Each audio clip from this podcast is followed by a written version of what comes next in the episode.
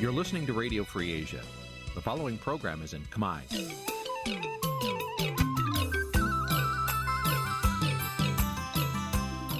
Nǐ chi càm bi tiệp xáy vệt chiu a zì sê ray នេះជាកម្មវិធីផ្សាយរបស់ Vithu Azisari ជាភាសាខ្មែរ វត្តឈូអាស៊ីសេរីសូមស្វាគមន៍លោកអ្នកនាងទាំងអស់ពីរដ្ឋធានី Washington នៃសហរដ្ឋអាមេរិក បាទពីរដ្ឋធានី Washington សហរដ្ឋអាមេរិកខ្ញុំបាទមេរិតសូមជម្រាបសួរលោកអ្នកនាងកញ្ញាប្រិយមិត្តអ្នកស្ដាប់ Visual C ស្រីទាំងអស់ជាទីមេត្រីយើងខ្ញុំសូមជូនកម្មវិធីផ្សាយសម្រាប់ព្រឹកថ្ងៃអង្គារ2កើតខែបុស្សឆ្នាំឆ្លូវត្រីស័កពុទ្ធសករាជ2565ដែលត្រូវនៅថ្ងៃទី4ខែមករាគ្រិស្តសករាជ2022បាទជាដំបូងនេះសូមអញ្ជើញលោកអ្នកនាង ស្ដាប់ព័ត៌មានប្រចាំថ្ងៃដែលមានមេត្តាដូចតទៅ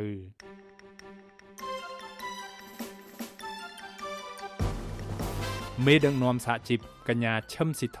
ប្រមានថាការចាប់តំណាងកោតកោរឹតតែបញ្ឆេះកំហឹងក្នុងចំណោមក្រុមអ្នកតវ៉ាសកម្មជនបពប្រឆាំងរិះគន់ថាលោកហ៊ុនសែនទៅភូមា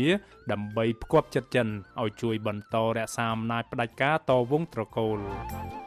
អ្នកជំនាញចង់ឃើញរដ្ឋាភិបាលបង្កបរិយាកាសងាយស្រួលដើម្បីទាញយកប្រយោជន៍ពីកិច្ចព្រមព្រៀងពាណិជ្ជកម្មសេរីធំធំ ជនរងគ្រោះដោយសារអាញាធរបង្ក្រាបដោយហិង្សានៅរោងចក្រយ៉ាជីងកាលពី8ឆ្នាំមុន បន្តទៀមទារោគយុទ្ធធររួមនឹងព័ត៌មានផ្សេងៗមួយចំនួនទៀត។បាទជាបន្តទៅទៀតនេះខ្ញុំបាទមេរិតសូមជូនព័ត៌មានទាំងនេះពិស្ដាបាទលោកនាងប្រិមម្នាក់ស្ដាប់ជាទីមេត្រីមេដឹកនាំសហជីពនៃក្រុមហ៊ុន Casino Nagavel ប្រមានថា ការចាប់ខ្លួនតំណាងកោតកោគឺមិនត្រឹមតែពុំអាចដោះស្រាយបញ្ហាអ្វីបាននោះទេក៏ប៉ុន្តែរឹតតែបញ្ឆេះនៅកំហឹងក្នុងចំណោមក្រុមអ្នកតវ៉ាឲ្យកាន់តែក្តៅក្រហាយកាន់តែខ្លាំងឡើងថែមទៀតចំពោះភាពអយុត្តិធម៌និងការមិនព្រមរកដំណោះស្រាយនៃវិវាទការងារជាមួយក្រុមហ៊ុននេះ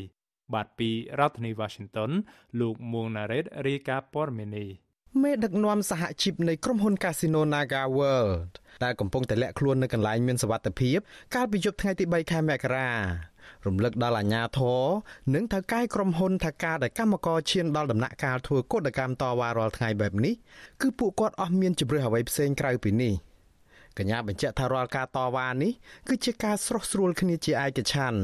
នៅក្នុងចំណោមអ្នកតវ៉ាទាំងអស់មិនមែនជាការសម្រេចរបស់បុគ្គលណាម្នាក់នោះឡើយ។ ដូច្នេះកញ្ញាប្រមានថាការចាប់តំណាងអ្នកតវ៉ាគឺនឹងរឹតតែធ្វើឲ្យបញ្ហាកាន់តែធំ ហើយការតវ៉ានឹងនៅតែបន្តរហូតមានដំណោះស្រាយកម្មករយោជិកគាត់ទៀមទា9ចំណុចទៅក្នុងលិខិតជូនទៅនឹងតាំងពីខែវិច្ឆិកា21សំបីតែមួយចំណុចក៏មិនដោះស្រាយឲ្យពួកគាត់ដែរបន្ថែមពីលើនឹងឥឡូវប្រើប្រព័ន្ធតឡាការចាប់ថ្នាក់ដឹកនាំចោតប្រកាន់ ពីបទកោតកម្មដឹកនាំកោតកម្មខុសច្បាប់ញុះញង់កម្មករនិយោជិកឯណាវិញហើយពេលអ្នកដែលមានទួនាទីជាតំណាងនៅក្នុងការចរចាដោះស្រាយបញ្ហារបស់កម្មករនិយោជិកត្រូវបានចោទដោយតុលាការថាញុះញង់កម្មករនិយោជិកវិញតើវាដោះស្រាយបញ្ហាអត់វាអត់មកដល់ដំណាក់កាលធ្វើកោតកម្មហើយថ្នាក់ដឹកនាំសហជីពគឺមានសិទ្ធិមានតំណែងត្រឹមទៅចរចាទៅតាមអ្វីដែលពួកគាត់ចង់បានទេទៅតាមអ្វីដែលពួកគាត់ទាមទារទេទោះបីចាប់ថ្នាក់ដឹកនាំសហជីពក៏ដោយបញ្ហារបស់ពួកគាត់អត់ដោះស្រាយឲ្យពួកគាត់ផង តើវាចប់កោតកម្មនឹងយ៉ាងម៉េចវាមិនអាចចប់បានទេសារព្រមានរបស់តំណាងកម្មករនយោជិតនេះធ្វើឡើងក្រោយកម្លាំងសមត្ថកិច្ចបានចាប់ក្រុមអ្នកតវ៉ា14នាក់បន្ថែមទៀតដោយរួមមានទាំងស្ត្រីមានផ្ទៃពោះម្នាក់ផងកាលពីថ្ងៃទី3ខែមករាអ្នកទាំង14ត្រូវសមត្ថកិច្ចដឹកតាមរថយន្តបិទជិតបញ្ជូនទៅស្នងការដ្ឋាននគរបាលរាជធានីភ្នំពេញកាលពីថ្ងៃទី31ខែធ្នូអាជ្ញាធរបានចាប់ក្រុមអ្នកតវ៉ា9នាក់និងអ្នករត់ម៉ូតូកង់3ម្នាក់ដែរ ក៏ប៉ុន្តែដោះលែងអ្នកតវ៉ា3នាក់និងអ្នករត់ម៉ូតូកង់3នោះវិញ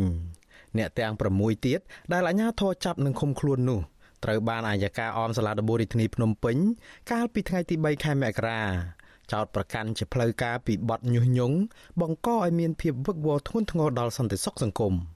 បន្ថែមលើអ្នកទាំង6នោះតុលាការបានចោតប្រកាន់មនុស្ស3នាក់ទៀតពីបទចោតដូចគ្នានេះ។ នៅក្នុងចំណោមអ្នកទាំង3នាក់នោះរួមមានមេដឹកនាំសហជីពនៃក្រុមហ៊ុន Casino Naga World កញ្ញាឈឹមស៊ីធលោកសុកនរិទ្ធនិងលោកសុកគង្គាអ្នកទាំង3នេះកំពុងលាក់ខ្លួននៅកន្លែងមានសុវត្ថិភាពជំវិញការចាប់ខ្លួនមនុស្សបន្ថែមនេះបុគ្គលិកផ្នែកភោជនីយដ្ឋាននៃក្រុមហ៊ុន Naga World កញ្ញានប់ទឹកបូរាវីឲ្យដឹងថាអាញាធរបានដាក់ពង្រាយកម្លាំងប្រដាប់ដោយខែល និងដំបងរាប់រយនាក់អមដោយឡានបាញ់ទឹកជាច្រើនគ្រឿងនៅខាងមុខរដ្ឋសភា ដើម្បីរារាំងក្រុមកោតក្រមិនឲ្យទៅធ្វើកោតកម្មនៅខាងមុខអគារទី1និងទី2របស់ក្រុមហ៊ុនបានដូចមុនទៀតកញ្ញាថ្លែងថាការចាប់ខ្លួនកម្មករ14នាក់ពីខាងអាជ្ញាធរនេះគឺបង្ហាញឲ្យឃើញថាអាជ្ញាធររដ្ឋមិនបានប្រកាន់គោលជំហរអព្យាក្រឹត ដោះស្រាយបញ្ហាបញ្ចប់វិវាទការងាររវាងក្រុមហ៊ុននិងកម្មករនយោជិតទេក្រៅតែពីប្រើកម្លាំងបង្ក្រាបយ៉ាងហិង្សាទៅលើពួកគាត់ឲ្យបញ្ឈប់ការតវ៉ាទៅវិញកញ្ញាបញ្ជាក់ថាក្រុមកោតកោនៅតែបន្តកោតកម្មដោយសន្តិវិធីនេះរហូតដល់អាជ្ញាធរដោះលែងថ្នាក់ដឹកនាំសហជីពនិងកម្មករទាំងអស់ឲ្យមានសេរីភាពវិញហើយក្រុមហ៊ុនត្រូវតែទទួលយកបុគ្គលិកជាង300នាក់ឲ្យចូលធ្វើការវិញដើម្បីបញ្ចប់វិវាទការងារមួយនេះ និយាយទៅគឺវាអយុត្តិធម៌ខ្លាំងហ្មងបង្ក្រាបក្រុមកុតកោយើងដែលធ្វើកុតកម្មអហិង្សាដោយសន្តិវិធីបើសិនជាគ្មានដំណោះស្រាយទេពួកយើងនៅតែបន្តធ្វើរហូតតតែមានដំណោះស្រាយដដែលវិទ្យុអាស៊ីសេរីមិនទាន់អាចតាក់ទងសុំការបំភ្លឺរឿងនេះពីអ្នកនាំពាក្យសាលាដំបងរាជធានីភ្នំពេញលោកអ៊ីរិននិងអ្នកនាំពាក្យស្នងការដ្ឋាននគរបាលរាជធានីភ្នំពេញលោកសានសុកសីហាបាននៅឡើយទេ កាលពីថ្ងៃទី3ខែមករាដោយហៅទូរស័ព្ទចូលតែពុំមានអ្នកទទួល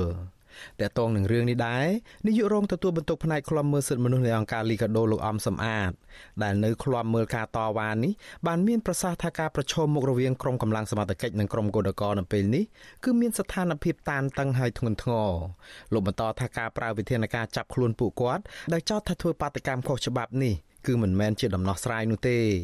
លោកយល់ថារដ្ឋាភិបាលគួរតែដោះស្រាយបញ្ហានេះដោយសន្តិវិធីនិងតាមច្បាប់ល្អប្រសើរជាងប្រើវិធានការចាប់ខ្លួននេះ ព្រោះថារឿងរ៉ាវដែលកើតឡើងចំពោះថ្នាក់ដឹកនាំសហជីពនិងកម្មករ Naga World គឺផ្ដើមចេញពីវិវាទការងារជាមួយក្រុមហ៊ុន ដែលគ្មានដំណោះស្រាយអញ្ចឹងអ្វីដែលសំខាន់ខ្ញុំគិតថាទាំងក្រុមហ៊ុន Naga World ទាំងបុគ្គលិក Naga World ក៏ដូចជាអាជ្ញាធរឬក្រសួងដែលពាក់ព័ន្ធហ្នឹងវិលទៅរកការចរចាដំណោះស្រាយតាមច្បាប់ការងារច្បាប់ជាតិនិងច្បាប់អន្តរជាតិដើម្បីបញ្ចប់វិវាទការងាររវាងក្រុមហ៊ុន Naga World និងបុគ្គលិក Naga World ហ្នឹង ជុំវិញរឿងនេះអ្នកគ្រប់គ្រងកម្មវិធីសិទ្ធិការងារនៃអង្គការសង្ត្រាលោកខុនថារ៉ូមានប្រសាសន៍ថាការបន្តចាត់វិធានការផ្លូវច្បាប់ទៅលើសហជីព6អ្នកនៅតុលាការនេះគឺជារឿងអយុត្តិធម៌និងរំលោភសិទ្ធិជាមូលដ្ឋានរបស់ពួកគាត់ព្រោះថាការធ្វើកោតកម្មដោយសន្តិវិធីនោះមិនមែនជាបទល្មើសព្រហ្មទណ្ឌដោយការចោទប្រកាន់ពីខាងសមត្ថកិច្ចនោះទេ លោកសង្ឃឹមថាតឡាការនឹងពិនិត្យមើលអង្គហេតុនិងអង្គច្បាប់នៅក្នុងរឿងនេះឲ្យបានត្រឹមត្រូវទៅតាមច្បាប់ហើយដោះលែងពួកគាត់ទាំងអស់ឲ្យមានសេរីភាពវិញអញ្ញាធរគាត់បែរជាមិនទៅការពារសន្តិភាពធ្នាប់សាធារណៈឲ្យពួកគាត់ហើយស្វែងរកដំណោះស្រាយតែប្រើប្រាស់មធ្យោបាយនៃការខាត់ខ្លួនហើយនឹងការចោទប្រកាន់តាមផ្លូវតុលាការនេះអានឹងវាគឺជាការគំរាមកំហែងដល់សិទ្ធិជាមូលដ្ឋានរបស់ពួកគាត់ដែលធានាដោយច្បាប់ ក្រុមកម្មករ Naga World ជាង1000នាក់បានចាប់ផ្ដើមធ្វើកោតកម្មចាប់តាំងពីថ្ងៃទី18ខែធ្នូឆ្នាំ2021មកដើម្បីទាមទាររកដំណោះស្រាយការងារពីថៅកែក្រុមហ៊ុន ការចេញកោតកម្មដោយសន្តិវិធីនេះធ្វើឡើងបន្ទាប់ពីក្រុមហ៊ុន Naga World មិនបានចូលរួមចរចាជាមួយសហជីពឬកម្មករនយោជិតដោយភាពស្មោះត្រង់ព្រមទាំងភាពបរាជ័យរបស់ក្រសួងការងារនិងសាលារដ្ឋាភិបាលភ្នំពេញនៅក្នុងការជួយសម្រួលឲ្យមានដំណោះស្រាយជូនកម្មករនយោជិត អំឡុងពេលក្រុមបុគ្គលិកធ្វើកោតកម្មនេះអាជ្ញាធរនិងក្រុមហ៊ុនមិនបានផ្ដល់ដំណោះស្រាយតាមការស្នើសុំនោះទេក៏ប៉ុន្តែអាជ្ញាធរបែរជាបង្កើនការគំរាមកំហែងបំផិតបំភ័យនឹងការលាបពណ៌លើថ្នាក់ដឹកនាំសហជីពដោយផ្ទាល់នឹងតាមរយៈប្រព័ន្ធឃោសនារបស់រដ្ឋាភិបាលនិងតាមរយៈលិខិតឬសំណេររបស់សាលារដ្ឋាភិបាលភ្នំពេញនិងមន្ត្រីក្រសួងការងារជាដើមបន្ទាប់មកសមាជិកក្រុងភ្នំពេញបានឡោមព័ទ្ធចាប់ខ្លួនកោតក្រជាបន្តបន្ទាប់ នៅក្នុងពេលជាមួយគ្នានេះក្រសួងការងារបានចេញលិខិតជាបន្តបន្ទាប់ហាក់ដូចជាចង់បង្ហាញថាខ្លួនបានចូលរួមដោះស្រាយបញ្ហានេះដែរក៏ប៉ុន្តែកញ្ញាឈឹមស៊ីធថាលិខិតរបស់ក្រសួងគឺជាការបន្លំភ្នែកសាធារណជនតែប៉ុណ្ណោះព្រោះរាល់ចំណុចទៀមទារបស់កម្មករគឺភាគីខាងតកែក្រុមហ៊ុននៅតែបដិសេធជាពិសេសការទៀមទាឲ្យបុគ្គលិក365នាក់ដែលក្រុមហ៊ុនបញ្ឈប់បានចូលធ្វើការវិញនៅក្នុងចំណោមបុគ្គលិកទាំង365នាក់ភាគច្រើនជាសមាជិកសហជីពនៅក្នុងក្រុមហ៊ុននេះ។ កញ្ញាទៀមទាឲ្យរកដំណោះស្រាយជាបន្ទាន់ដោយផ្ដើមពីការដោះលែងអ្នកដែលអាជ្ញាធរចាប់ខ្លួននិងចោទប្រកាន់ទាំងនោះដោះលែងតំណាងទាំងអស់ទម្លាក់ចោលបတ်ចោតដោយគ្មានលក្ខខណ្ឌហើយ Nagawer ត្រូវចូលមកអង្គុយតុកចរចាជាមួយសហជីពប្រកបដោយភាពស្មោះត្រង់រឿង Nagavel នៅក្នុងការទទួលបុគ្គលិក365នាក់មិនមែនជារឿងដែលមិនអាចដោះស្រាយបានហើយមិនមែនគ្មានលទ្ធភាពទេមានលុយសាងសង់អគារ Nagasri តម្លៃជាង3000លានដុល្លារហេតុអីបានជាទទួលបុគ្គលិក365នាក់នឹងអត់បាន អញ្ចឹងវាមានថាបានន័យថាក្រុមហ៊ុន Nagavel គឺចំណាយគ្រប់សពបែបយ៉ាងទាំងអស់ដើម្បីរំលាយសហជីពសុំកុំបកាយទៀតចាដើម្បីដោះស្រាយបញ្ហាហ្នឹងគឺ Nagavel ត្រូវឈប់ព្រឹសអើងសហជីពទើបអាចដោះស្រាយបានมันអាចចេះតែប្រជប់តំណាងរបស់គេតាមតែអំពើចិត្តរបស់ខ្លួនឯងទេ ក្រមសហជីពនិងអង្គការសង្គមស៊ីវិលជាច្រើនស្ថាប័នបានចេញលិខិតជាបន្តបន្ទាប់ថ្កោលទោសចំណាត់ការរបស់សមត្ថកិច្ចរាជធានីភ្នំពេញនិងអំពាវនាវឲ្យអាជ្ញាធរត្រូវរក្សាជំហរអព្យាក្រឹតនិងដោះលែងអ្នកទាំងអស់ឲ្យមានសេរីភាពឡើងវិញហើយបន្តដោះស្រាយវិវាទការងារនេះដោយសន្តិវិធីនិងតាមច្បាប់ខ្ញុំបាទមុងណារ៉េត With you Azizi Saray ប្រធានាធិបតី Washington បាទលោកនាងប្រិមម្នាក់ស្ដាប់ជាទីមេត្រីជុំវិញរឿងរ៉ាវនេះដែរប្រធានសហភាពសហជីពកម្ពុជា លោករងឈុនចាត់ទុកចំណាត់ការរបស់កងកម្លាំងសមត្ថកិច្ចនិងតុលាការកម្ពុជា នៅក្នុងការធ្វើទុកបុកម្នេញទៅលើក្រុមកោតក្រដោយអហិង្សាបែបនេះថាជាអំពើបំពានធ្ងន់ធ្ងរដែលមិនអាចទទួលយកបាននោះទេលោកអំពីវនីវឲ្យសហជីពឯករាជ្យទាំងអស់នៅកម្ពុជា ពួតដៃគ្នាជាធ្លុងមួយ ដើម្បីជួយការពារនិងទាមទារសិទ្ធិសេរីភាពជូនក្រុមកោតក្រនៃក្រុមហ៊ុន Casino NagaWorld បាទសូមលោកនាងរងចាំស្ដាប់បទសម្ភាសរវាង Visual C ស្រីជាមួយនឹងលោករងឈុនជុំវិញរឿងរ៉ាវនេះនៅក្នុងការផ្សាយរបស់យើងនាពេលបន្តិចទៀតនេះបាទសូមអរគុណបាទលោកនាងប្រិមម្នាក់ស្ដាប់ជាទីមេត្រី ងាកមកពិនិត្យមើលសំណុំរឿងដែលអាជ្ញាធររដ្ឋាភិបាលបានបង្ក្រាបដោយហិង្សា នៅរោងចក្រយ៉ាឈីងកាលពី8ឆ្នាំមុនឯណោះវិញបាត់ជនរងគ្រោះនឹងក្រុមអង្គការសង្គមស៊ីវិលបន្តទទូចឲ្យរដ្ឋាភិបាលលោកនាយរដ្ឋមន្ត្រីហ៊ុនសែន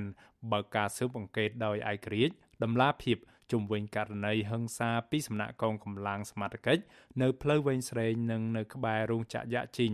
កាលពី8ឆ្នាំមុន ដើម្បីឈានទៅវែកមុខចាប់ជនដៃដល់និងអ្នកនៅពីក្រោយយកមកផ្ដន្ទាទោសតាមផ្លូវច្បាប់ និងទប់ស្កាត់នៅវប្បធម៌នីតិរដ្ឋភាពនៅក្នុងសង្គមកម្ពុជា ជាពិសេសផ្ដល់យុត្តិធម៌ដល់ជនរងគ្រោះការទៀមទានេះគឺបន្ទាប់ពីសំណុំរឿងនេះបានស្ងប់ស្ងាត់គ្មានយុត្តិធម៌អស់រយៈពេល8ឆ្នាំមកហើយ បាទលោកជីវតារាយការណ៍ព័ត៌មាននេះថ្ងៃទី2និងទី3ខែមករានេះជាខួប8ឆ្នាំដែលកងកម្លាំងរដ្ឋាភិបាល បានបង្ក្រាបដោយហិង្សាទៅលើកម្មករនៅលើផ្លូវជាតិលេខ4និងនៅលើផ្លូវវែងស្រេង ដែលបណ្ដាលឲ្យមនុស្សមួយចំនួនស្លាប់និងរងរបួសធ្ងន់ជនរងគ្រោះនៅក្នុងព្រឹត្តិការណ៍ហិង្សានោះឲ្យដឹងថាពួកគាត់មិនអាចបំភ្លេចបាននៅហេតុការណ៍ដ៏រន្ធត់នោះបានឡើយ ប្រធានសមាគមប្រជាធិបតេយ្យឯករាជ្យនៃសេដ្ឋកិច្ចក្រៅប្រព័ន្ធលោកវ៉ុនពៅដែលជាជនរងគ្រោះក្នុងចំណោមជនរងគ្រោះផ្សេងទៀតថ្លែងប្រាប់អាស៊ីសេរីថារយៈពេល8ឆ្នាំកន្លងមកហើយដែលលោកនៅតែនឹកឃើញហេតុការណ៍ហិង្សាដ៏អាក្រក់ពីសំណាក់ក្រមយោធាវាយសម្ពងទាត់ធាក់មកលើរូបលោកបណ្ដាលឲ្យលោករងរបួសហូរឈាមជោកខ្លួនសឹងតែបាត់បង់ជីវិតនៅពេលនោះមន្ត្រីសង្គមស៊ីវិលរូបនេះបន្តថា អ្វីដែលឈឺចាប់ទៀតនោះគឺក្រោយការបង្ក្រាបលោកនិងជនរងគ្រោះដទៃទៀតពួកលោកបែរជាត្រូវសមត្ថកិច្ចបញ្ជូនទៅដាក់ពន្ធនាគារហើយត្រូវតុលាការចោទប្រកាន់ទាំងអយុត្តិធម៌ថែមទៀតលោកវុនពៅឲ្យដឹងទៀតថាអង្គើអយុត្តិធម៌ទាំងនោះបានបន្សល់ទុកនៅការឈឺចាប់ស្នាមរបួសនិងជំងឺរ៉ាំរ៉ៃប្រចាំកាយរហូតមកដល់ពេលនេះលោកបន្តទទូចឲ្យរដ្ឋាភិបាលបើកការស៊ើបអង្កេតដោយឯករាជ្យ ដើម្បីឈានទៅវែកមុខចាប់ជនដៃដល់និងអ្នកនៅពីក្រោយមកផ្ដន់ទោសតាមច្បាប់បើនិយាយពី ភាពយុត្តិធម៌មិនទាន់មានយុត្តិធម៌សម្រាប់យើងសូម្បីតែប៉ុនសរសៃសក់ដូច្នេះហើយដែលខ្ញុំតែងតែតន្ទឹងរង់ចាំនៅភាពយុត្តិធម៌សម្រាប់ខ្ញុំក៏ដូចជាអ្នកដែលស្លាប់បាត់បង់ជីវិតមួយចំនួននៅក្រុមគ្រួសាររបស់គាត់ហើយអ្នកដែលត្រូវរងរបួសអ្នកដែលបន្សល់នៅជំងឺនៃការបង្ក្រាបយ៉ាងគូខើពីសំណាក់អាជ្ញាធរមានសមត្ថកិច្ចហ្នឹងគឺយើងនៅតែចងចាំយើងនៅតែទាមទារឲ្យមានយុត្តិធម៌ទោះបីជានៅកលៈទេសៈស្ថានភាពបែបនេះយើងមិនទាន់ទទួលបានយុត្តិធម៌ប៉ុន្តែយើងសង្ឃឹមថាថ្ងៃណាមួយយើងនឹងទទួលបានយុត្តិធម៌បើសិនជាប្រព័ន្ធយុត្តិធម៌ហ្នឹងជាប្រព័ន្ធយុត្តិធម៌ការពារប្រជាពលរដ្ឋការពារអ្នកធ្វើការសង្គមពិតប្រាកដកាលពីថ្ងៃទី2និងទី3ខែមករាឆ្នាំ2014សមត្ថកិច្ចចម្រុះរបស់រដ្ឋាភិបាលបានបើកយុទ្ធនាការបោះសម្អាតបាតុកម្មរបស់កម្មករដែលទាមទារដំឡើងប្រាក់ឈ្នួល160ដុល្លារនៅក្បែររោងចក្រយ៉ាក់ជីននិងនៅលើកំណាត់ផ្លូវវែងស្រេងជាក្រុងភ្នំពេញកងកម្លាំង PM ពប៉ូលីស និងជាពិសេសទាហាននៃកងឆ័ត្រយោង911ដឹកនាំដោយលោកចាប់ភក្តីដែលជាមនុស្សចំណិតរបស់លោកនាយករដ្ឋមន្ត្រីហ៊ុនសែនបានប្រើខែលដំបង បំពង់ទីបនិងកំភ្លើង បាញ់ប្រហារនិងវាយដំលើកម្មករបណ្ដាលឲ្យមនុស្ស5នាក់ស្លាប់និងរងរបួសជិត40នាក់ក្នុងឱកាសខួប8ឆ្នាំនេះក្រុមអង្គការសមាគមសហជីពចំនួន59ស្ថាប័ន បានចេញសេចក្តីថ្លែងការណ៍រួមមួយនៅថ្ងៃទី3ខែមករានេះសម្ដែងនៅការចូលរួមសាមគ្គីនិងចងចាំជាមួយគ្រួសារជនរងគ្រោះដែលត្រូវបានសមត្ថកិច្ចបាញ់ឲ្យស្លាប់ឲ្យរងរបួសនិងបាត់ខ្លួន ក្នុងពេលធ្វើកតកម្មនៅពេលនោះដើម្បីទាមទាររកយុត្តិធម៌ក្រុមអង្គការសង្គមស៊ីវិលទាំងនេះបន្តស្នើឲ្យមានការទទួលខុសត្រូវចំពោះការបាញ់ប្រហារនេះនិងការបាត់ខ្លួនក្មេងប្រុសអាយុ15ឆ្នាំម្នាក់ឈ្មោះខឹមសុផាត ដែលនៅបន្តបាត់ខ្លួនមកទល់សប្តាហ៍ថ្ងៃនេះក្រុមអង្គការសង្គមស៊ីវិលដដាលនេះចាត់ទុកកតកម្មរបស់កម្មករកម្មការនីកាត់ដេរការនោះធ្វើឡើងដើម្បីអំពាវនាវឲ្យមានប្រាក់ឈ្នួលអបបរមាសមរម្យប៉ុន្តែពួកគេត្រូវរងការបង្ក្រាបមិនសមរម្យទៅវិញពួកគេពិនិត្យឃើញថាការស៊ើបអង្កេតក្រោយមកទៅលើការបាញ់ប្រហារនេះគឺត្រូវបានរាយការណ៍ថាធ្វើឡើងត្រឹមរយៈពេល3សប្តាហ៍ប៉ុណ្ណោះ ហើយមិនមាននរណាម្នាក់ត្រូវបានយកមកផ្ដន្ទាទោសចំពោះការស្លាប់របស់លោកខឹមផាលៀបលោកសាមរាវី លោកយៀនរិទ្ធី និងលោកផេងកុសលនោះទេ ផ្ទុយទៅវិញកងកម្លាំងរដ្ឋាភិបាលក៏បានចាប់ខ្លួនកម្មករនិងមន្ត្រីសង្គមស៊ីវិលសរុបចំនួន23នាក់យកទៅដាក់គុកត្រពាំង plong ក្នុងខេត្តត្បូងឃ្មុំជាប់ព្រំដែនវៀតណាមផងដែរក្រោយមក តុលាការក្រុងភ្នំពេញបានកាត់ទោសពួកគាត់ឲ្យជាប់ពន្ធនាគារចាប់ពី2ឆ្នាំរហូតដល់4ឆ្នាំ និងពិន័យជាប្រាក់មួយចំនួនទៀតពីបទញុះញង់ឲ្យមានអំពើហិង្សាបទហិង្សាដោយចេតនាមានស្ថានទម្ងន់ទោសនិងបទធ្វើឲ្យខូចខាតទ្រព្យសម្បត្តិអ្នកដទៃក្មេងប្រុសឈ្មោះខឹមសុផាតអាយុ15ឆ្នាំនៅតែបន្តបាត់ខ្លួនទល់សពថ្ងៃសេចក្តីថ្លែងការណ៍រួមរបស់ក្រុមអង្គការសង្គមស៊ីវិលបង្ហាញទៀតថា សុផាតត្រូវបានគេប្រទះឃើញលើកចុងក្រោយដោយដេកផ្កាប់មុខនៅក្នុងថ្លុកឈាម បន្ទាប់ពីរងការបាញ់ប្រហារដោយគ្រាប់កាំភ្លើងចំទ្រូងដែលបង្ខំឲ្យអ្នកដតីរត់យករួចខ្លួន ដើម្បីសវត្ថភាពរបស់ពួកគេខណៈដែលកងកម្លាំងសមត្ថកិច្ចនៅតែបន្តបាញ់ប្រហារទៅលើអ្នកតវ៉ានៅពេលដែលអ្នកតវ៉ាត្រឡប់ទៅទីតាំងដើមវិញ បន្ទាប់ពីការបាញ់ប្រហារត្រូវបានបញ្ឈប់សុផាតត្រូវបានបាត់ខ្លួនពីកន្លែងកើតហេតុដែរ ឧត្តមសេនីយ៍ត្រីខេងទីតូអ្នកនាំពាក្យនៃកងរាជអាវុធហត្ថលើផ្ទៃប្រទេស បានបញ្ជាក់នៅប៉ុន្មានសប្តាហ៍បន្ទាប់ពីកើតហេតុនោះថាសុផាតមិនស្ថិតក្នុងចំណោមមនុស្សដែលត្រូវបានចាប់ខ្លួននោះទេ កាលពីខែឧសភាឆ្នាំ2014បរិសុទ្ធ2នាក់បានរកឃើញបំណែកឆ្អឹងនិងសំណល់ពីការដុតកង់ឡាននៅឯមូលដ្ឋានកងពលតូចលេខ70ក្នុងខេត្តកំពង់ស្ពឺ ដែលធ្វើឲ្យមានការសង្ស័យថាជាបំណែកឆ្អឹងនៃសាកសពរបស់ខឹមសុផាតអាញាធរក៏មិនបានផ្ដល់ព័ត៌មានឲ្យគ្រួសាររបស់ជនរងគ្រោះពាក់ព័ន្ធនឹងវិធានការស៊ើបអង្កេតនិងការវិវត្តនៃការលាតត្រដាងការពិត ចំពោះអ្វីដែលបានកើតឡើងទៅលើកូនប្រុសរបស់ពួកគេដែរវិទ្យុអាស៊ីសេរីមិនអាចតាក់ទងប្រធានអង្គភិបអ្នកណែនាំពាក្យរដ្ឋាភិបាលលោកផៃស៊ីផានដើម្បីបកស្រាយជុំវិញរឿងនេះបានទេ នៅថ្ងៃទី3ខែមករា ចំណែកអ្នកនាំពាក្យក្រសួងយុតិធធលោកចិនម៉ាលីនប្រាប់ថាលោកមិនបកស្រាយរឿងនោះទេ ហើយលោកជំរុញឲ្យទៅសួរអ្នកនាំពាក្យផ្សេងវិញនាយករងទទួលបន្ទុកឃ្លាំមើលសិទ្ធិមនុស្សអង្គការលីកាដូលោកអំសំអាត នៅតែចាត់ទុកថាករណីហិង្សានៅលើផ្លូវវែងស្រេងនិងនៅក្បែររោងចក្រយ៉ាតជីនកន្លងទៅ គឺជាការរំលោភច្បាប់សិទ្ធិមនុស្សជាតិនិងអន្តរជាតិធ្ងន់ធ្ងរលោកថារដ្ឋាភិបាលនិងស្ថាប័នយុតិធធមានកាតព្វកិច្ចវែកមុខជនប្រព្រឹត្ត និងអ្នកបញ្ជានៅពីក្រោយខ្នងមកផ្ដន់ទាទោសតាមច្បាប់ដើម្បីផ្ដល់យុត្តិធម៌ដល់ជនរងគ្រោះមន្ត្រីសង្គមស៊ីវិលរូបនេះបញ្ជាក់ទៀតថាបើរឿងនេះមិនមានការស៊ើបអង្កេតដោយឯករាជ្យនិងតម្លាភាពពិតប្រាកដក្នុងការទប់ស្កាត់អំពើឃោរឃៅដែលកើតឡើងនៅក្នុងសង្គមនោះទេ វានឹងបន្តផ្ដល់គំរូអាក្រក់នៃការអនុវត្តច្បាប់ និងបន្តអនុញ្ញាតឲ្យមានវប្បធម៌នីតិរដ្ឋភាពឬបណ្ដោយឲ្យជនល្មើសរួចពីសំណាញ់ច្បាប់តទៅទៀត។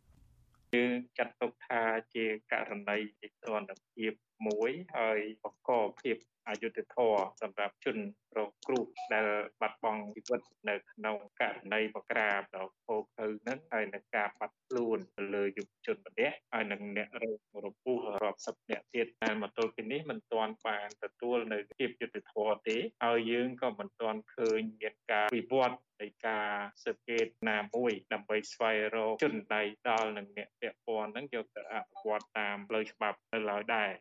ក្រុមអង្គការ សមាគមនិងសហជីពចំនួន59ស្ថាប័នទទូចឲ្យរដ្ឋាភិបាលត្រូវចាត់វិធានការជាក់លាក់ជាបន្ទាន់ដើម្បីស៊ើបអង្កេតលើការបាត់ខ្លួនក្មេងប្រុសខឹមសុផាត និងរោគយុតិធធដល់ជនរងគ្រោះផ្សេងទៀតជនរងគ្រោះលោកវុនពៅឲ្យដឹងថាការប្រ rup ខួបនៃការវាយបង្ក្រាបនៅឆ្នាំនេះក្រមពលរដ្ឋនិងសង្គមស៊ីវិលមិនបានទៅធ្វើពិធីនៅកន្លែងដែលត្រូវកងកម្លាំងវាយបង្ក្រាបនោះទេ ពួកគេបានត្រឹមតែបង្ហាញភាពឈឺចាប់ដែលខ្លួនមាន នៅលើបណ្ដាញសង្គម Facebook រៀងៗខ្លួនតែប៉ុណ្ណោះលោកបញ្ជាក់ថាយុតិធធសម្រាប់ជនរងគ្រោះហាក់នៅឆ្ងាយនិងគ្មានពន្លឺដោយសាររដ្ឋាភិបាលនិងអាជ្ញាធរពាក់ព័ន្ធមិនទាន់បង្ហាញលទ្ធផលស៊ើបអង្កេតដោយឯករាជ្យណាមួយរីឯសំណុំរឿងរបស់ជនរងគ្រោះវិញក៏ជាប់គាំងនៅសាលាអូតូថែមទៀតទោះជាយ៉ាងណា លោកនៅតែសង្ឃឹមថាយុតិធធនៅតែអាចកើតមាននៅថ្ងៃណាមួយ នៅពេលកម្ពុជាក្លាយជាប្រទេស មាននីតិរដ្ឋពិតប្រាកដបន្ថែមពីលើនេះលោកទទូចឲ្យរដ្ឋាភិបាល បញ្ឈប់ទង្វើបង្ក្រាបហិង្សាបែបនោះទៅលើបាតុករឬកោតករតទៅទៀតខ្ញុំជីវិតាអាស៊ីសេរីបាទលោកនាងប្រិមម្នាក់ស្ដាប់ជាទីមេត្រីដំណើរគ្នានឹងការស្ដាប់កម្មវិធីផ្សាយរបស់ Visual C ស្រីតាមបណ្ដាញសង្គម Facebook និង YouTube លោកអ្នកនាងក៏អាចស្ដាប់កម្មវិធីផ្សាយរបស់ Visual C ស្រីតាមរលកធារកាសខ្លីឬ Shortwave តាមកម្រិតនិងកម្ពស់ដូចតទៅនេះពេលព្រឹកចាប់ពីម៉ោង5កន្លះដល់ម៉ោង6កន្លះតាមរយៈរលកធារកាសខ្លី9390 kHz ស្មើនឹងកម្ពស់ 32m និង11850 kHz ស្មើនឹងកម្ពស់ 25m ពេលយប់ចាប់ពីម៉ោង7កន្លះដល់ម៉ោង8កន្លះតាមរយៈរលកធារកាសខ្លី 9390 kHz ស្មើនឹងកម្ពស់ 32m និង15155 kHz ស្មើនឹងកម្ពស់ 20m បាទសូមអរគុណ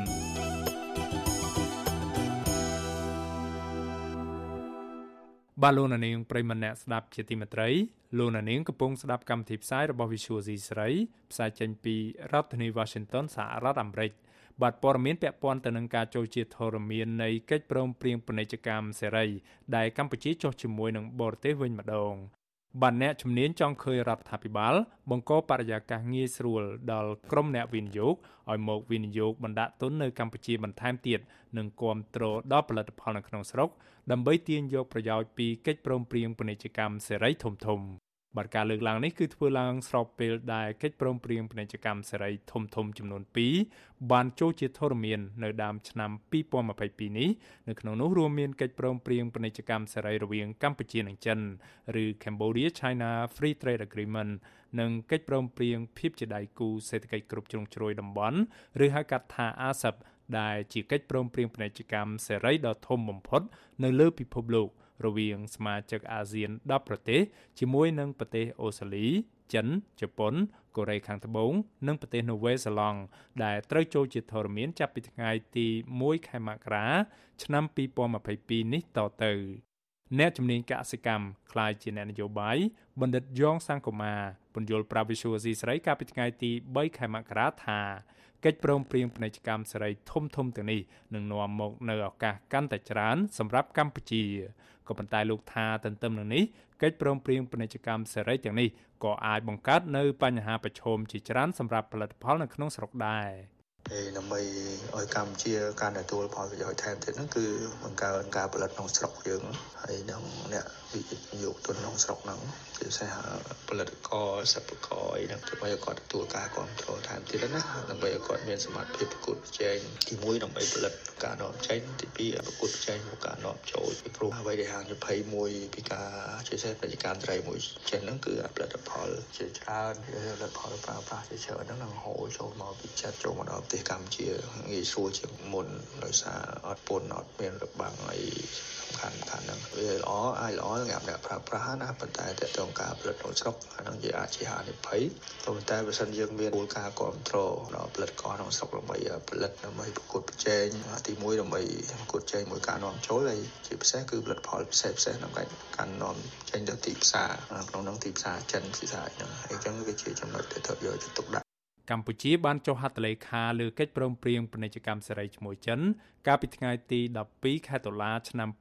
2020ដោយចាត់ទុកថាជាប្រវត្តិសាស្ត្ររបស់ខ្លួន នៅក្នុងការចុះកិច្ចព្រមព្រៀងពាណិជ្ជកម្មសេរីទ្វេភាគី ជាលើកដំបូងបង្អស់ការឈានទៅចុះហត្ថលេខាលើកិច្ចព្រមព្រៀងពាណិជ្ជកម្មសេរីជាមួយចិននេះកើតមានឡើងនៅក្នុងពេលដែលសហភាពអឺរ៉ុប បានសម្រេចដកហូតផ្នែកខ្លះនៃប្រព័ន្ធអនុគ្រោះពន្ធគ្រប់មុខទំនិញទាំងអស់លើកលែងតែអាវុធឬហៅកាត់ថា EBA ពីកម្ពុជា ចំនួន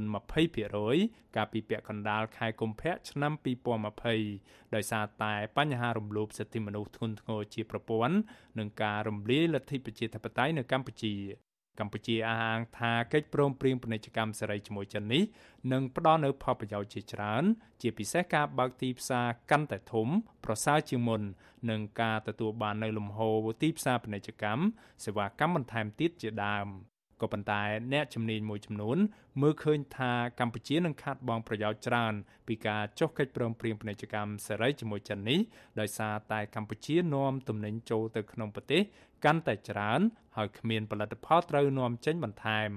ក្រុមអ្នកជំនាញទាំងនោះអះអាងថាវានឹងក្លាយជាការធ្វើអត្តឃាតខ្លួនឯងតាមរយៈការបើកច្រកទ្វារប្រកួតប្រជែងពាណិជ្ជកម្មសកល ហើយបណ្ដាលឲ្យឧស្សាហកម្មទុនខ្សោយក្នុងស្រុករបស់កម្ពុជាត្រូវដួលរលំក្រៅពីកិច្ចព្រមព្រៀងពាណិជ្ជកម្មសេរីជាមួយចិនក្រសួងពាណិជ្ជកម្មអះអាងថា តាមរយៈកិច្ចព្រមព្រៀងភាពជាដៃគូសេដ្ឋកិច្ចគ្រប់ជ្រុងជ្រោយតំបន់ឬហៅកាត់ថាអាស៊ិបកម្ពុជាអាចនឹងមានកំណើនប្រចាំឆ្នាំនៃការនាំចេញជាង7%វិនិយោគជាង23%និងផលិតផលក្នុងស្រុកសរុបប្រមាណ2%លើផលិតផលក្នុងស្រុកសរុបដែលមានបច្ចុប្បន្ន ក្រសួងពាណិជ្ជកម្មអះអាងថាកម្ពុជាទទួលបាននូវភាពអនុគ្រោះពន្ធពីកិច្ចព្រមព្រៀងនេះនៅលើមុខទំនិញសំខាន់សំខាន់ជាច្រើន មានដូចជាទំនិញកសិកម្មទំនិញកសិកម្មកែច្នៃទំនិញឧស្សាហកម្មនិងការផ្ទេរបច្ចេកវិទ្យាចំណេះដឹង ចំណេះធ្វើព្រមទាំងជំនាញថ្មីៗពីការវិនិយោគផ្ទាល់របស់បរទេសជាដើម ក៏ប៉ុន្តែការសិក្សាស្រាវជ្រាវរួមគ្នាមួយចេញផ្សាយកាលពីដើមឆ្នាំ2021ដោយមជ្ឈមណ្ឌលគោលនយោបាយអភិវឌ្ឍសកលឬ Global Development Policy Center នៃសាកលវិទ្យាល័យ Boston នៅសហរដ្ឋអាមេរិកដោយមន្ត្រីជំនាញរបស់អង្គការសហជីវជាតិនិងសាស្ត្រាចារ្យនៅសាកលវិទ្យាល័យនេះ បានរកឃើញថាកម្ពុជាអាចនឹងខាត់បងចំណូលពន្ធពាណិជ្ជកម្មប្រមាណជាង300លានដុល្លារអាមេរិកនៅក្នុងមួយឆ្នាំមួយឆ្នាំឬស្មើនឹង1.29%នៃផលិតផលក្នុងស្រុកកាលពីឆ្នាំ2019លើសពីនេះទៀតការសិក្សាដដែលក៏បានរកឃើញដែរថា កិច្ចព្រមព្រៀងអាស៊ាននេះក៏នឹងធ្វើឲ្យជញ្ជីងពាណិជ្ជកម្មរបស់កម្ពុជាធ្លាក់ចុះឬមានអនុភាពរហូតដល់ទៅប្រមាណជាងដក2000លានដុល្លារអាមេរិកនៅក្នុងមួយឆ្នាំមួយឆ្នាំឬស្មើនឹងប្រមាណដក17%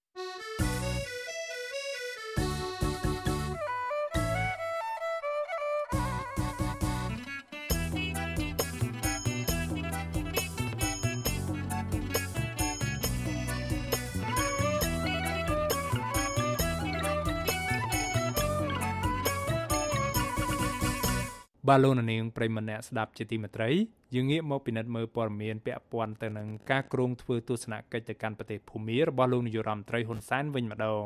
សកម្មជនគណៈបពប្រឆាំងរិះគន់គម្រោងទស្សនកិច្ចរបស់លោកនាយរដ្ឋមន្ត្រីហ៊ុនសែនទៅកាន់ប្រទេសភូមាដើម្បីជួបមេដឹកនាំរដ្ឋប្រហារយោធានៃប្រទេសនេះថាគឺជាការធ្វើឡើងដើម្បីតែអំណាចផ្ទាល់ខ្លួនដោយមិនគិតគូរពីប្រយោជន៍រួមរបស់ជាតិ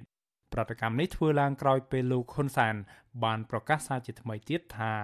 លោកនឹងទៅភូមានៅចុងសប្តាហ៍នេះបើទោះបីជាមានការបំផ្ទុះគ្រាប់បែកនៅក្បែរស្ថានទូតខ្មែរប្រចាំនៅប្រទេសនេះក៏ដោយ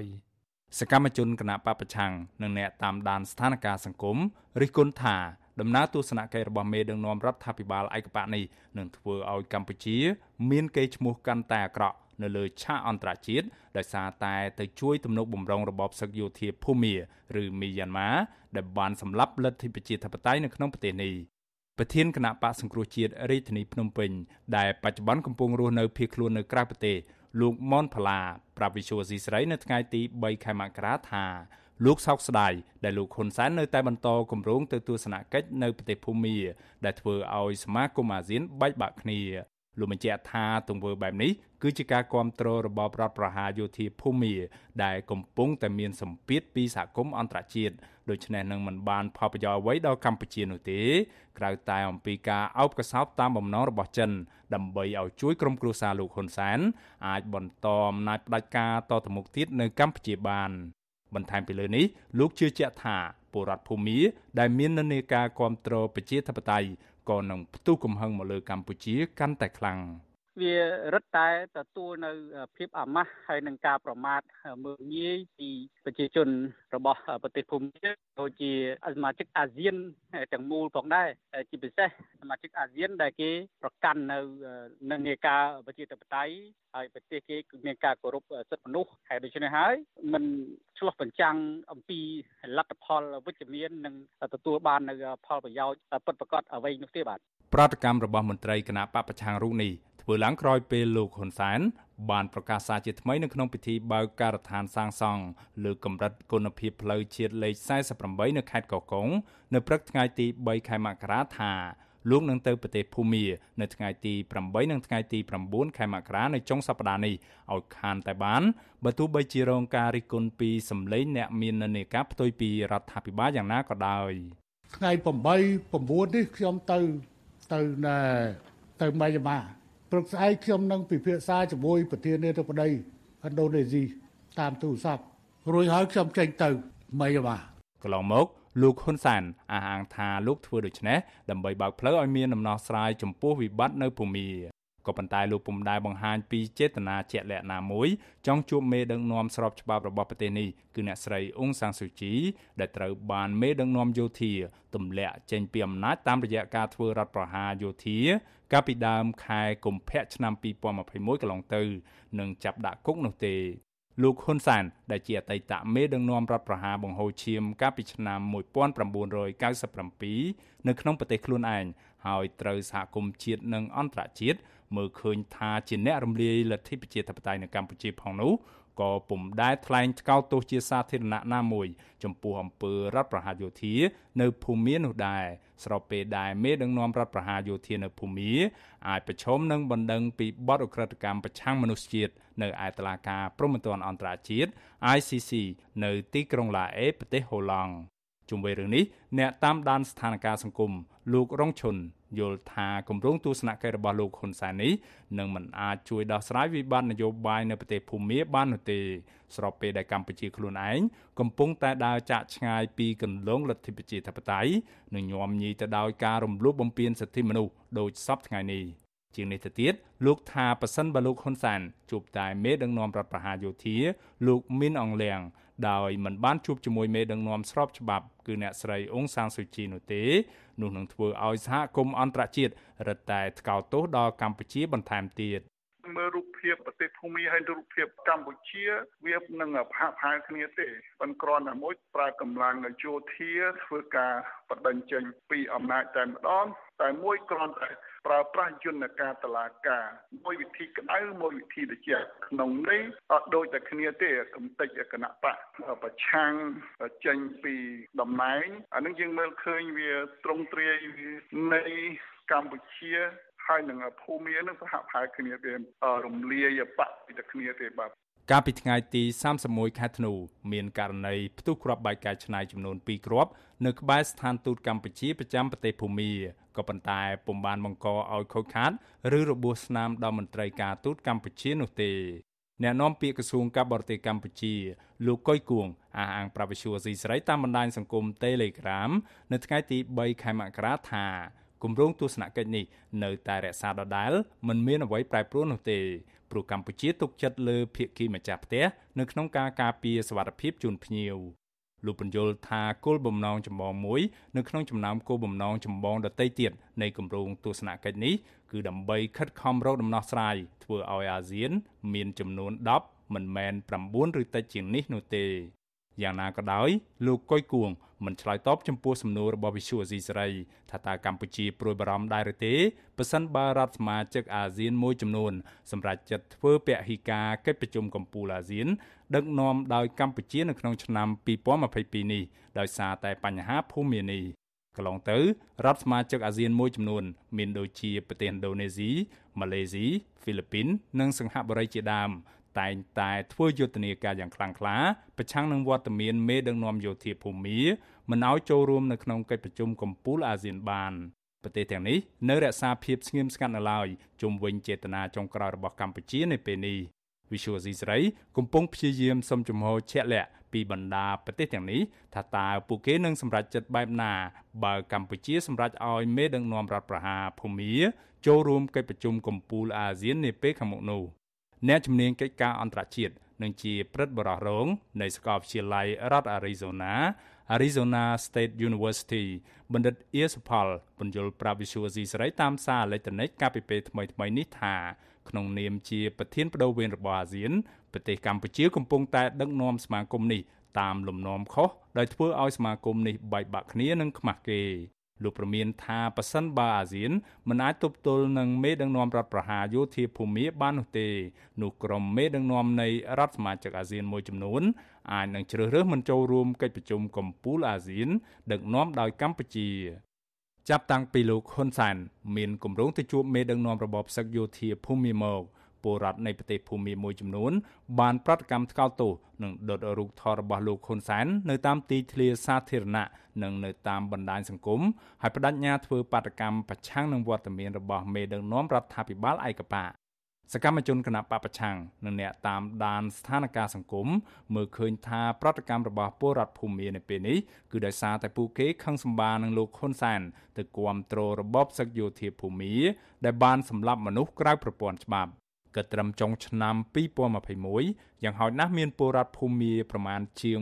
1300នាក់ត្រូវបានសម្លាប់ដែលក្នុងនោះក៏មានកុមារ75នាក់បន្ថែមពីលើនេះមនុស្សប្រមាណជាង10000នាក់ត្រូវបានចាប់ខ្លួនដោយសារតែពួកគេចូលរួមតវ៉ាប្រឆាំងនឹងការដឹកនាំខុសច្បាប់របស់របបសឹកយោធានៅភូមា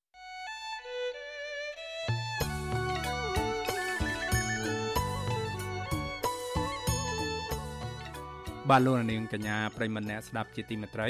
នៅក្នុងឱកាសនេះដែរខ្ញុំបាទសូមថ្លែងអំណរគុណដល់លោកនាងកញ្ញាទាំងអស់ដែលតែងតែមានភក្ដីភាពចំពោះការផ្សាយរបស់យើងខ្ញុំហើយចាត់ទុកការស្ដាប់ Visual Asia សេរីគឺជាផ្នែកមួយនៃសកម្មភាពប្រចាំថ្ងៃរបស់លោកនាង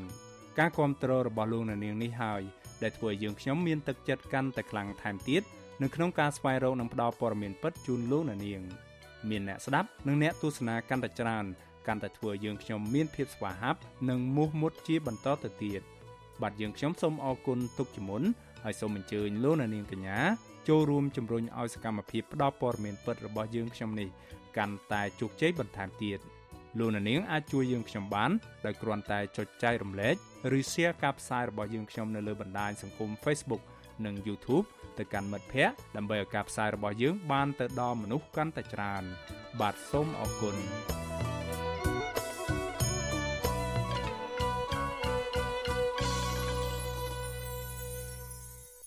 បាទលោកនាងប្រិមម្នាក់ស្ដាប់ជាទីមេត្រីក្នុងព័ត៌មានដែលដ lie មួយទៀតក្រសួងពាណិជ្ជកម្មកម្ពុជាណែនាំទៅក្រុមហ៊ុនពាណិជ្ជករនិងសមាគមដឹកជញ្ជូនទំនិញតាមច្រកព្រំដែនគោកឆ្លងកាត់ប្រទេសវៀតណាមទៅប្រទេសចិនឲ្យស្វែងរកមធ្យោបាយដឹកជញ្ជូនផ្សេងទៀតដោយសារតែនៅច្រកព្រំដែនរវាងប្រទេសវៀតណាមនិងប្រទេសចិនកំពុងកកស្ទះខ្លាំង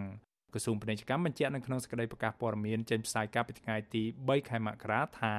សកម្មភាពនាំចូលនិងនាំចេញទំនិញទៅច្រកព្រំដែនរវាងប្រទេសវៀតណាមនិងប្រទេសចិន កំពុងកកស្ទះខ្លាំងជាពិសេសនៅច្រកទ្វារព្រំដែនខេត្តឡានសុងនិងខេត្តខ្វាំងនីងនៃប្រទេសវៀតណាមក្រសួងពាណិជ្ជកម្មបញ្ជាក់បន្ថែមថាមូលហេតុដែលបណ្ដាលឲ្យកកស្ទះនេះគឺបណ្ដាលមកពីប្រទេសចិន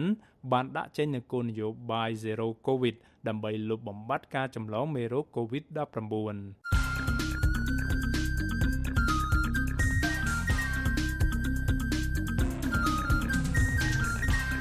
បបទសំភារ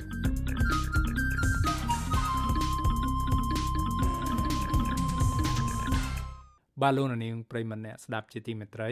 ប្រធានសហភាពសហជីពកម្ពុជា លោករងឈុនចាត់ទុកចំណាត់ការរបស់កងកម្លាំងសមត្ថកិច្ចនិងតុលាការក្នុងការបន្តធ្វើទុកបុកម្នេញទៅលើក្រុមកោតក្រដោយអហិង្សាបែបនេះថាគឺជាអំពើបំពានធ្ងន់ធ្ងរដែលមិនអាចទទួលយកបាននោះទេ លោករងឈុនអំពាវនាវឲ្យសហជីពឯករាជ្យទាំងអស់ពួតដៃគ្នាជាធ្លុងមួយដើម្បីជួយការពារនិងទាមទារសិទ្ធិសេរីភាពជូនក្រុមកោតក្រនៃក្រុមហ៊ុន Casino NagaWorld បាទជាបន្តទៅទៀតនេះសូមអញ្ជើញលោកនាងស្ដាប់បទសម្ភាសន៍រវាងអ្នករាយការណ៍នៃ Visual Asia សេរីលោកមួងណារ៉េតជាមួយនឹងលោករងឈុនជុំវិញរឿងនេះដូចតទៅ ការតវ៉ានឹងរងការធ្វើទុកបុកម្នេញកាន់តែស្រួចស្រាលបន្ថែមទៅទៀតដោយរាត្រីឆ្លងឆ្នាំចាប់មនុស្ស9នាក់ដោយទាំងអ្នករត់ម៉ូតូដែលដឹកសម្ភារៈនោះម្នាក់ផង10នាក់អញ្ចឹងថ្ងៃនេះចាប់ថែម14នាក់ទៀតអញ្ចឹងឡើងដល់ទៅ24នាក់ទៅហើយបើយើងនិយាយពីការចាប់ខ្លួនអឺចំពោះលោករងជុនវិញយល់យ៉ាងម៉េចទៅសភាពការបែបនេះនៅក្នុងការដែលការចាប់ខ្លួនកាន់តែកើនឡើងហើយដំណោះស្រាយនៅដែលមិនទាន់មាននេះបាទ យើងមានការខកចិត្តមែនទែនក្នុងនាមយើងជាសហជីពហើយអ្វីដែលយើងធ្លាប់ធ្វើការជាមួយកម្មករកម្មការនីតាមរោងចក្រក្តីយើងធ្វើច្រើនឆ្នាំហើយជាង20ឆ្នាំហើយវាអត់មានអ្វីដែលថ្មីវិធីរកដំណោះស្រាយជូនដល់បងប្អូនកម្មករហើយតកតងរឿងនឹងដែរក្នុងនាមសហជីពអសជីពកម្ពុជាយើង សូមធ្វើការថ្កោលទោសចំពោះទង្វើអាញាធររាជធានីភ្នំពេញដែលបានប្រើប្រាស់ការចាប់ខ្លួនដល់សកម្មជនសហជីពក៏ដូចជាមេសហជីពជាបន្តបន្ទាប់នេះហើយយើងឃើញថារូបភាពនេះវាជារូបភាពអាក្រក់ បាទរូបភាពអាក្រក់មែនតើអញ្ញាធរក៏ដូចជាក្រសួងពាក់ព័ន្ធគួរតែស្វែងរកដំណោះស្រាយជូនដល់បងប្អូនកម្មករកម្មការដែលគាត់បានចំណាយពេលវេលាអស់រយៈពេលមកដល់ថ្ងៃនេះ17ថ្ងៃចឹងគោលបំណងរបស់គាត់តែមួយគត់គឺស្វែងរកដំណោះស្រាយពីនយោជកក៏ដូចជាការស្វែងរកដំណោះស្រាយពីស្ថាប័នពាក់ព័ន្ធជាពិសេស រាជរដ្ឋាភិបាលដែលទទួលខុសត្រូវខ្ពស់ជុំវិញបញ្ហាទាំងអស់នេះអញ្ចឹងពួកគាត់ចង់បានតែមួយគត់គឺដំណោះស្រាយដោយយុត្តិធម៌ហើយយើងបានតាមដានតាក់ទងទៅនឹងការចរចាម្ដងហើយម្ដងទៀតជាមួយក្រសួងកាងារយើងឃើញថាក្រសួងកាងារហាក់បីដូចជា មានការស្ទាក់ស្ទើរការស្ទាក់ស្ទើរចិត្តក្នុងការសម្រេចចិត្តខាង Naga ខាង Casino ក៏មិនខុសគ្នាប្រវែងណាដែរ ពីព្រោះដោយសារបញ្ហាពុករលួយវាបង្កប់នៅខាងក្រោយហ្នឹងទី1ទី2រាល់ក្រុមហ៊ុនវិនិយោគភាគច្រើនតែតែអ្នកមានឋានៈតួនាទីធំធំ មានភាគហ៊ុននៅក្នុងហ្នឹងឬភាគហ៊ុនខ្យល់នៅក្នុងហ្នឹងអញ្ចឹងហើយបានជានយោជកមួយចំនួនហ្នឹងដេកដួលទៅតាមដំណើរហ្នឹងពីព្រោះមានអ្នកកាងនៅពីក្រោយអញ្ចឹងហើយបានកម្មករកម្មការនីក៏ដូចជាបុគ្គលិកធ្វើការនៅ Nagawa ហ្នឹងទទួលរងគ្រោះដោយសារពីបញ្ហាពុករលួយ មានអ្នកកាងនៅពីក្រោយខ្នងហើយអ្នកដែលពាក់ព័ន្ធស្ថាប័នដែលពាក់ព័ន្ធមិនខំរកជនការឬមួយនីតិវិធីដោះស្រាយដើម្បីបញ្ចប់រឿងទេ មានតែវិធីមួយគឺសហការជាមួយតុលាការចាប់ខ្លួន ហើយយើងមើលឃើញការចាប់ខ្លួននេះវាមិនមែនជាដំណោះស្រាយទេ ហើយក៏មិនអាចបញ្ចប់នៅបញ្ហាបានដែរហើយបើសិនជាចេះតែធ្វើការចាប់ខ្លួនបន្តទៀតវាកាន់តែបង្ករឿងកាន់តែធំហើយយើងដឹងហើយថាការចាប់ខ្លួនមនុស្សវាមិនមែនជាដំណោះស្រាយហើយនាយករដ្ឋមន្ត្រីហាក់បីដូចជាកំពុងតែយកដុំថ្មទម្លាក់ទៅលើជើងគាត់អញ្ចឹង បើចាំម្នាក់ទទួលទម្ងន់ធ្ងន់បន្តិចម្ដងបន្តិចម្ដងដល់ដល់ដំណាក់កាលណាមួយនឹងមានបញ្ហាកាន់តែធំហើយมันអាចបញ្ចប់បញ្ហាបានវាមិនមែនជារឿងខុសច្បាប់ទេការកុតកម្មដោយសន្តិវិធីធម្មតាច្បាប់កុតកម្មនីតិវិធីនៃការកុតកម្មគឺកុតកម្មគឺឈរសំដែងមតិនៅក្បែររបងរោងចក្រឬអាគាររបស់ក្រុមហ៊ុនមិនមែន ឈរនៅបែរអាគារឬមុខក្រុមហ៊ុនហើយចោទប្រកាន់ពួកគាត់ថាបង្កខូចសណ្ដាប់ធ្នាប់ធ្វើឲ្យអស្ថិរភាពសង្គមប៉ះពាល់សន្តិសុខសង្គមវាមិនមែនទេដោយសារតែស្ថាប័នពាក់ព័ន្ធមិនបានយកចិត្តទុកដាក់ដោះស្រាយជូនពួកគាត់បណ្ដោយឲ្យពេលវេលារហូតទៅដល់17ថ្ងៃហើយពួកគាត់នៅតែមិនទទួលបាន ដំណោះស្រាយហើយយើងដឹងហើយការចំណាយពេលវេលាច្រើនបែបនេះគាត់ខាតបង់នៅប្រាក់ចំណូលខាតបង់ចំណាយខាតបង់ពេលវេលាហើយម្នាក់ម្នាក់យើងសួរទៅថាតើពួកគាត់ចង់ធ្វើកោតកម្មបាតកម្មទេចង់មកឈរហាលក្តៅទេប្រកាសឲ្យ100%គាត់មិនមិនចង់ឈរស្រែកគាត់មិនចង់ឈរហាលក្តៅគាត់មិនចង់ចំណាយពេលវេលាមកធ្វើបែបហ្នឹងទេប៉ុន្តែវាទទួលរងនៅអំពើអយុត្តិធម៌ ខាងសហជីពនៅ Nagawal ហ្នឹងគេបញ្ឈប់អស់ទៅហើយដូច្នេះបានន័យថាកម្មករនិយោជិតគ្នាអត់មានអ្នកអ្នកតំណាងទេអញ្ចឹងអ្នកតំណាងដែលជាអាណាព្យាបាលដែលជាអាជ្ញាកណ្ដាលនៅពេលនេះគឺនៅតែមួយគត់ គឺក្រសួងការងារដែលជាក្រសួងសាធារណៈដែលបម្រើឲ្យប្រយោជន៍ប្រជាពលរដ្ឋទូទៅទាំងថៅកែទាំងកម្មករគាត់នៅឈរកដាប៉ុន្តែអ្វីដែលយើងឃើញកន្លងមកគឺលោកហេងសួរដែលជាមន្ត្រីការងារអ្នកនាំពាក្យក្រសួងការងារគឺលោកបានបញ្ចេញសារដាក់បន្ទុកទៅលើកម្មករហ្នឹងថាសូម្បីតែអ្នកដែលពោពោះមានផ្ទៃពោះឲ្យមកធ្វើបាតកម្មតបាកុតកម្មអីហ្នឹងចាត់ទុកថាជាតម្រុយនៃការធ្វើបដិវត្តពណ៌តាក់ទិចនៅក្នុងការធ្វើបដិវត្តពណ៌អីអញ្ចឹងទៅ ក្រោយតែពេលលោកហេងសួរចេញសារបែបហ្នឹងមកការចាប់ហ្នឹងគឺធ្វើជាបន្តបន្ទាប់លោករងឈុនយល់យ៉ាងម៉េចទៅវិញរវាងសាររបស់លោកហេងសួរនិងការចាប់ខ្លួនហើយនិងតាក់ទិចរបស់អ្នកតវ៉ានេះបាទតកតងទៅនឹងសារលោកហេងសួរយើងមានការសោកស្ដាយក្នុងនាមយើងជាសហជីពហើយថ្នាក់ដល់ជាកថាថ្នាក់ដឹកនាំក្រសួងមួយរូបដែលមានឋានៈខ្ពស់រដ្ឋលេខាធិការក្រសួងការងារហើយដែលជាក្រសួងទទួលបន្ទុក ក្នុងការដោះស្រាយវិវាទការងារជូនកម្មករឬយើងអាចនិយាយបានថាជាអាណាព្យាបាលកម្មករបាទក្នុងការដោះស្រាយរកសុខទុក្ខជូននៅកម្មករប៉ុន្តែជាទម្លាប់សារបែបហ្នឹងវាមិនមែនជារឿងថ្មីទេ ជាទម្លាប់មួយឲ្យតែមានបញ្ហារឿងកើតឡើង ចំពោះកម្មករឬមួយប្រជាពលរដ្ឋអាជ្ញាធរក៏ដូចជាក្រសួងពាក់ព័ន្ធមិនបានយកចិត្តទុកដាក់ច្រើនតែប្រើភាសាគំរាមកំហែងហើយភ្ជាប់រឿងដែលគាត់ទៀមទាទៅគេថាបដិវត្តពណ៌ឬញុះញង់ឬបង្កឲ្យខូចសន្តិភាពអានេះវាផ្ទុយទៅនឹងការពិតដោយករណីបុគ្គលិក Naga ចឹងបាទទៅចោតប្រកាន់គាត់ថាគាត់ ក្រងនឹងអាចបដិវត្តពណ៌ចោតគាត់ញុះញង់វាផ្ទុយពីការពិតផ្ទុយពីអ្វីដែលពួកគាត់ចង់បានរកលេះនេះលេះនោះបងវៀងចរចាម្ដងហើយម្ដងទៀតពុំមានដំណោះស្រាយមិនមានសេចក្តីក្លាហានធ្វើការសម្រេចវាជារឿងអយុត្តិធម៌កុំដើរចោតកុំលៀបពណ៌ប្រជាពលរដ្ឋគាត់យល់ដឹងច្បាស់មកដល់ពេលនេះ ថាទង្វើរបស់រដ្ឋាភិបាលកម្ពុជាទង្វើអ្នកដឹកនាំក្រសួងបែបម៉េចបែបម៉េចគាត់យល់ច្បាស់ហើយកុំទាញទម្លាក់កំហុសទៅលើពួកគាត់ហើយសូមឲ្យហើយខ្ញុំក្នុងនាមសហភាពសហជីពកម្ពុជាខ្ញុំសូមកោតសរនៅស្មារតីទឹកចិត្តក្លាហានរបស់បុគ្គលិកធ្វើការបម្រើការណាកែហើយសូមលើកទឹកចិត្តបងប្អូនត្រូវតែតស៊ូខំបន្តទៀត ដើម្បីទទួលបានដំណោះស្រាយហើយខ្ញុំរងចាំបាទរងចាំចូលរួមធ្វើអន្តរាគមន៍ពីព្រោះខ្ញុំបានតាក់ទងទៅតំណាងប្រមាណដងប៉ុន្តែมันมันបានជួបគ្នាបើមានការស្នើសុំខ្ញុំនឹងទៅចូលរួមខ្ញុំចង់ផ្ញើជាចិត្តសាស្ត្រឥឡូវនេះយើងឃើញថាចាប់កាន់តែច្រើនខ្ញុំចង់ឲ្យមេសហជីពទាំងអស់សហព័ន្ធសហភាពដែលមានឆន្ទៈផផែគ្នា ការពារផលប្រយោជន៍កម្មករទោះបីបុគ្គលិកកម្មករ Naga មិនមែនជាសមាជិករបស់យើងក៏ដោយប៉ុន្តែគួរតែយើងប្រជុំទៅចែកគ្នាមេមេសហជីពធំហ្នឹងដើម្បីជួយអន្តរាគមន៍ទៅដល់បុគ្គលិកកម្មករបម្រើការងារនាការដែលកំពុងតែមានបញ្ហា ប្រឈមទៅនឹងការចាប់ខ្លួនបន្តបន្ទាប់នេះហើយយើងនឹងអាចប្រជុំហើយធ្វើការសម្រេចក្នុងការជួយអន្តរាគមន៍ហើយបើសិនមាន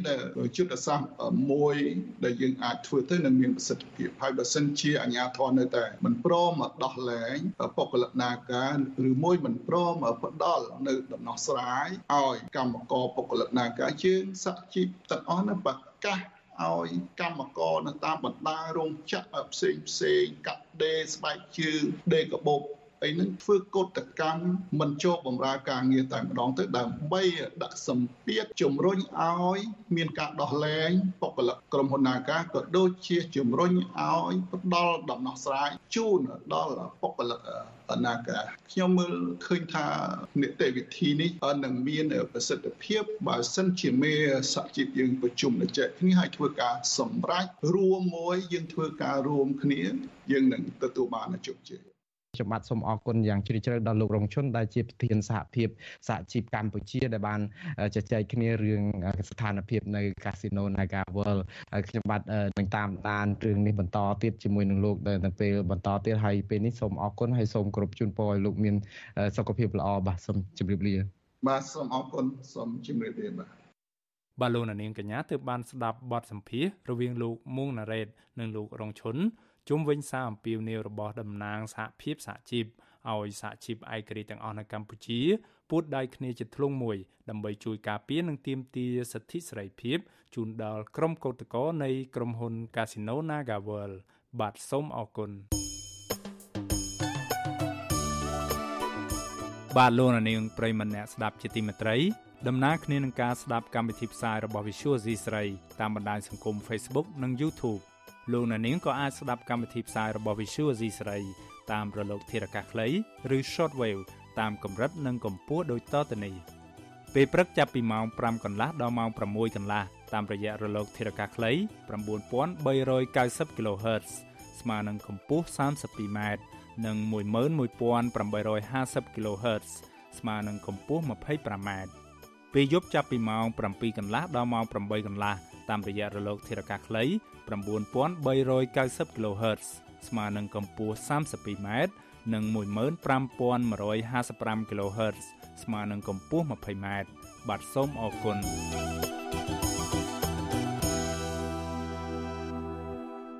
បាឡូណានីងប្រិមម្នាក់ស្ដាប់ជាទីមេត្រីងាកមកពិនិត្យព័ត៌មានពាក់ព័ន្ធនឹងបញ្ហាសុខភាពវិញម្ដង បាទជំងឺគ្រុនឈាម ជាទូទៅច្រើនតែកើតមានទៅលើកុមារនិងឆ្លងច្រើននៅក្នុងរដូវភ្លៀងធ្លាក់ ជំងឺគ្រុនឈាមគឺជាជំងឺឆ្លងធ្ងន់ធ្ងរដែលអាចកើតឡើងលើមនុស្សគ្រប់វ័យ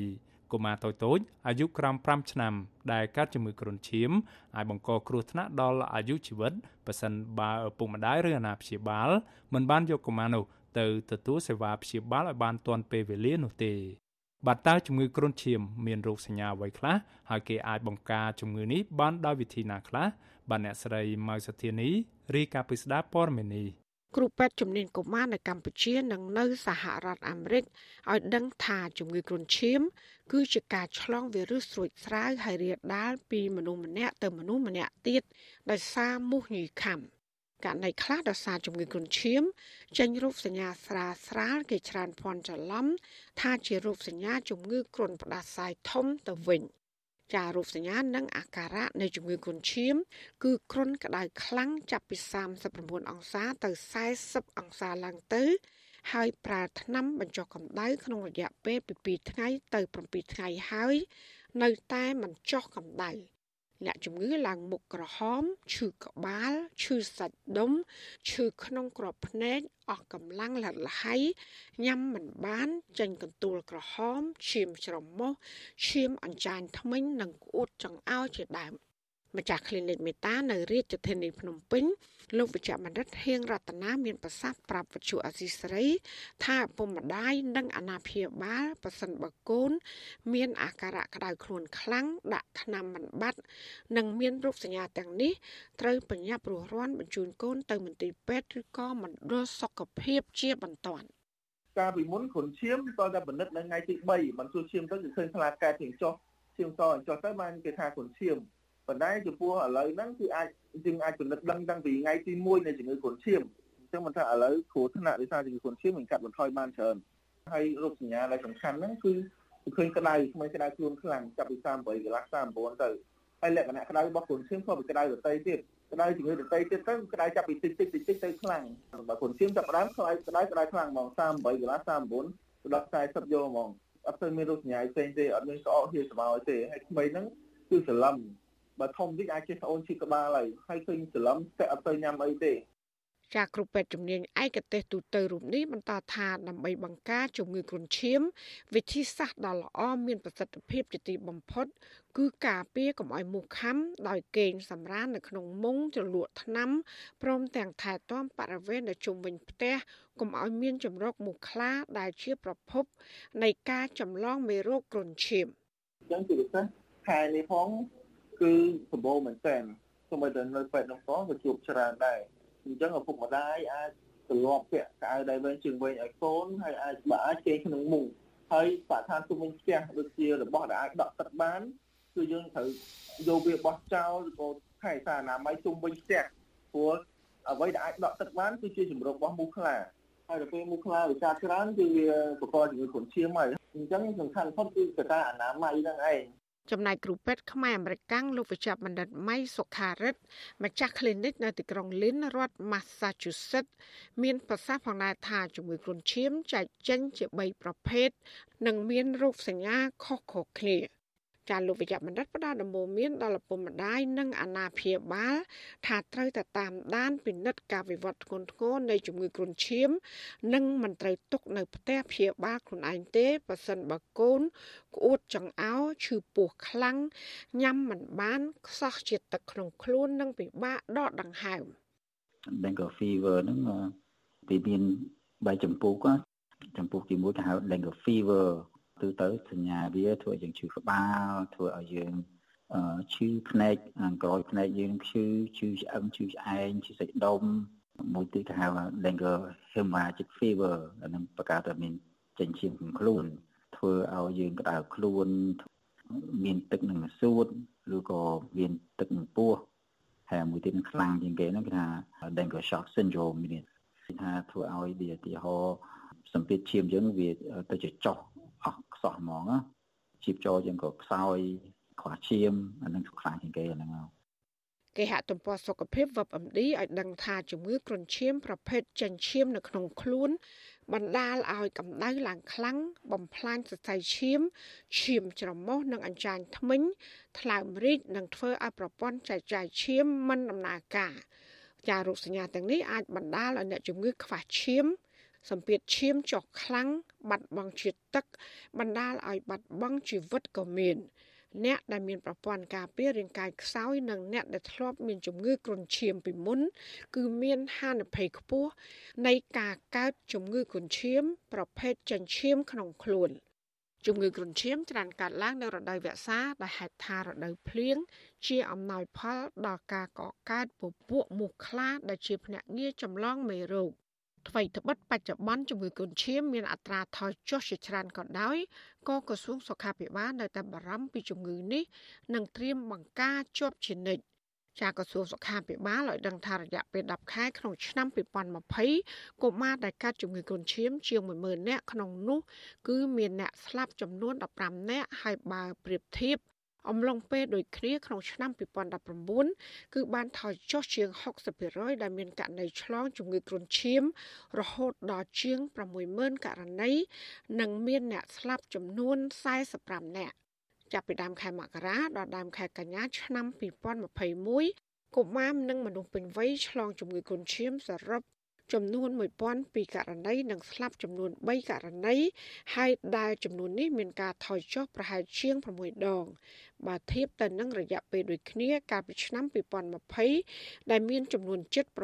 6300នាក់និងមានអ្នកស្លាប់ចំនួន8ករណី ទោះបីជំងឺគ្រុនឈាមបានថយចុះយ៉ាងច្រើនក្នុងឆ្នាំ2021នេះក្រសួងសុខាភិបាលបារម្ភថាទាំងជំងឺគ្រុនឈាម និងជំងឺគ្រុនចាញ់ដែលបង្កឡើងដោយមូសខាំអាចបន្តកើតមានទៅលើប្រជាពលរដ្ឋដែលរស់នៅក្នុងសហគមន៍ក្រីក្រតំបន់ព្រៃឈើនិងតំបន់ព្រំដែនបន្ថែមពីនេះក្រសួងសុខាភិបាលបានក្រើនរំលឹកដល់ប្រជាពលរដ្ឋ ប៉ះសិនបើសង្ស័យសមាជិកក្នុងគ្រួសារជាពិសេសកូនតូចតូចកើតជំងឺគ្រុនឈាមត្រូវប្រញាប់បញ្ជូនកូនទៅមណ្ឌលសុខភាពឬក៏មន្ទីរពេទ្យណាដែលនៅជិតផ្ទះបំផុត ដើម្បីទទួលសេវាព្យាបាលជំងឺទាន់ពេលវេលា ចាននាងខ្ញុំម៉ៃសុធានីវັດឈូអាទីសេរីប្រធានាធិបតី Washington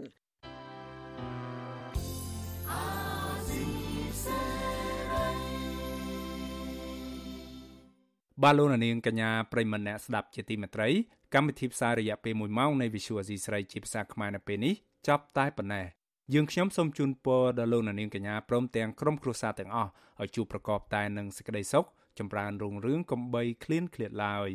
ខ្ញុំបាទមេរិតព្រមទាំងក្រុមការងារទាំងអស់នៃ Visual Asia ស្រីសូមអរគុណនិងសូមជម្រាបលា